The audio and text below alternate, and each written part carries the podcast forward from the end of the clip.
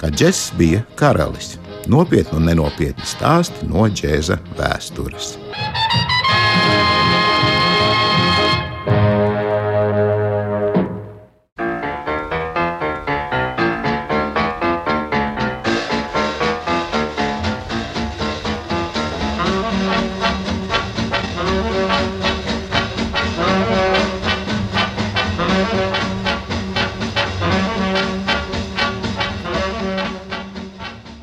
Daudzi vecāka gadagājuma Latvijas radio klausītāji noteikti atceras šo melodiju. Ar šo mūziku daudz desmit gadu garumā iesākās leģendārais Ivar Mazura raidījums džēza mūzikas mīļotājiem. Un nevelti tā ir tēma Jumping at the Woodside, ko atskaņo Kaunta Beizija orķestris. Džuks Ellingtons, Flečers Hendersons, Glens Millers, Benijs Gudmens - tie visi ir vārdi, kur kaldināja leģendām apvīto swingēru 20. gadsimta 30. gados. Un šis saraksts nebūtu nebūtu pilnīgs, ja mēs neminētu Kauntu Beiziju, kuram noteikti ir vietas starp izcilākajiem un arī populārākajiem. Viljams Alens Beizijs piedzima Redbanks pilsētņā Ņūdžersijas štatā pašā gadsimta sākumā, 904. gada 21. augustā. Abi vecāki bija mūziķi. Tēvs Harvijs Beizijs pūta trompetē, bet māte Liljāna Čailds spēlēja klavieres. Viņa arī bija tā, kas mazajam Viljamam pasniedza pirmās stundas.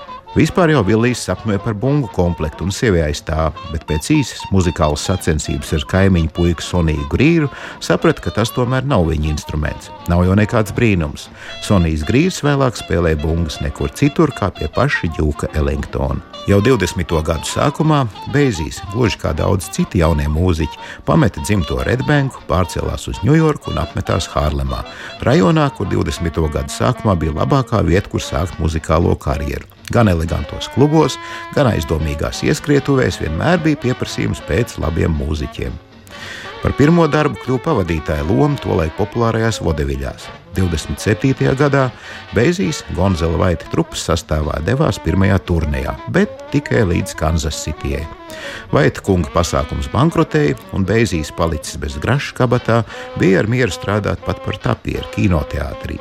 Kansas Cityjā Beizijs ātri sadraudzējās ar dziedātāju Džimiju Rašingu, un jau 28. gadā ar Rašinga rekomendāciju bija gan, lai Beiziju uzņemtu Voltera Pēģa džezbenda Blue Devils rindās. Lai cik talantīgs būtu Pēčs kā mūziķis, administrators viņš bija zem katras kritikas. Un jau 30. gadā Benijam Moutenam bija izdevies pārvilināt uz savu orķestru lielāko daļu mūziķu no Blue Devils, ieskaitot Džimiju Rašingu, Beiziju un beigās pašu Volteru Pēģu. 1935. gadā Benijs Mautens pārcēlās uz labākiem medību laukiem. Te savu lomu mūzikas vēsturē atkal nospēlēja viņa majestāte gadījums. Ja ne Mautena nāve, diez vai Beizīs jebkad būtu mēģinājis kļūt par orķestra līderi. Viņam jau bija 30 gadu un itin labi apmierināja pieticīgā pianista loma. 1936. gadā Beiziem rokā ir angažements darbam Renault klubā Kansas Cityjā. Kluba īpašnieks ir kāds Sols Stībels, kuram pieder arī neliela radiostacija, un orķestra uzstāšanās tika translēta radio ēterā katru dienu stundu pirms pusnakts. Un tā kādā no šiem vakariem programmas vadītājs atzīmēja, ka vārds Vils Beizīs ir tāds pabāls salīdzinot ar tādiem big band līderiem kā Erls vai Džūks. Tad viņš apvaicājās, vai Beizija kungam nebūtu nekas pretīm, ja viņu dēvētu par kauntu, latviešu grāfu. Beizīs padomāja, ka tas ir joks un teica, labs ir. Un kopš tās reizes viņu neviens vairs savādāk nesauc. Tieši vienu no šādām radiotranslācijām izdzirdēja pazīstamais džēza kritiķis Džons Hemons. Ieintriģēts Beizija orķestra spēles stilā, Hemons nekavējoties ieradās Kansas Cityjā, paķerot līdzi arī aģentu Villardu Aleksandru. Pierunāt Beiziju pārcelties uz Ņujorku īpašas pūles nesagādāja. Ierodoties Ņujorkā, Kaunta Beizija orķestris vēl tika papildināts, un 37. gada beigās beidzot bija noformējies tas mūziķu sastāvs, kuram bija lemts kļūt par vienu no izcilākajiem džēza vēsturē. Jau 38. gada beigās Kaunta Beizija orķestris regulāri uzstājās Ņujorkas labākajās deju zālēs - Roseland Ballroom, Savoy Ballroom un Apollo. Orķestra panākums kaldināja ne tikai brīnišķīgais mūziķu sastāvs, tikpat lielā mērā tos nodrošināja arī Beizija virtuozā administrēšanas māka, un arī disciplīna bija gan stingra. 40. gadā tolaik izcilākais tenorsaksophonists Lesters Janks tika nekavējoties atlaists vien par neattaisnot neierašanos uz nieka ierakstu studijā.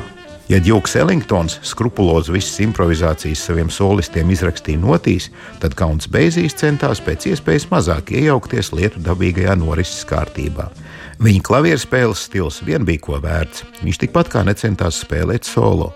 Reti akordi un reizēm pat tikai atsevišķas notis likās tikai kā tādas pieturzīmes starp lieliski iestudēto aranžējumu teikumiem.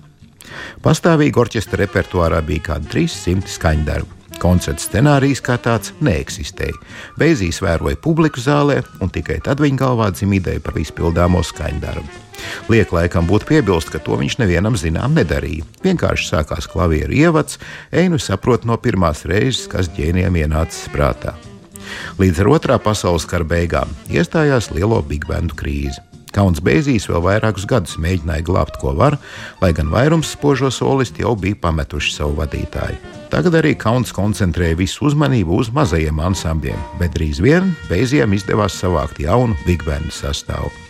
Šādā sastāvā Kaunta Bēzija orķestris turpināja muzicēt vēl vairākus desmitus gadus, saglabājot nemainīgu skanējumu un pavadot tādus dziedātājus kā Franks Sinatra, Sāra Vona, Bings Krosbijs un Tonijs Benets.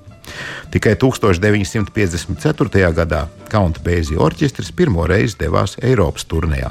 Līdz tam orķestra mūzika vecās pasaules melomāniem bija pieejama tikai konservētā veidā. Diemžēl 70. gados Kaunta Bēzija veselība sašķobījās. Viņš pat bija spiests uzstāties sēžot ratiņkrēslā, bet pat tas neaturēja no saspringtā koncertu grafika. Vēl pēdējais studijas ieraksts tika veikts 83. gada maijā, bet jau pēc gada, 84. gada aprīlī, jaunā slimība vēzis izrādījās stiprāka. Populārākā orķestra tēma tika pirmajā variantā ierakstīta tālajā 1939. gadā One O'Clock Jump.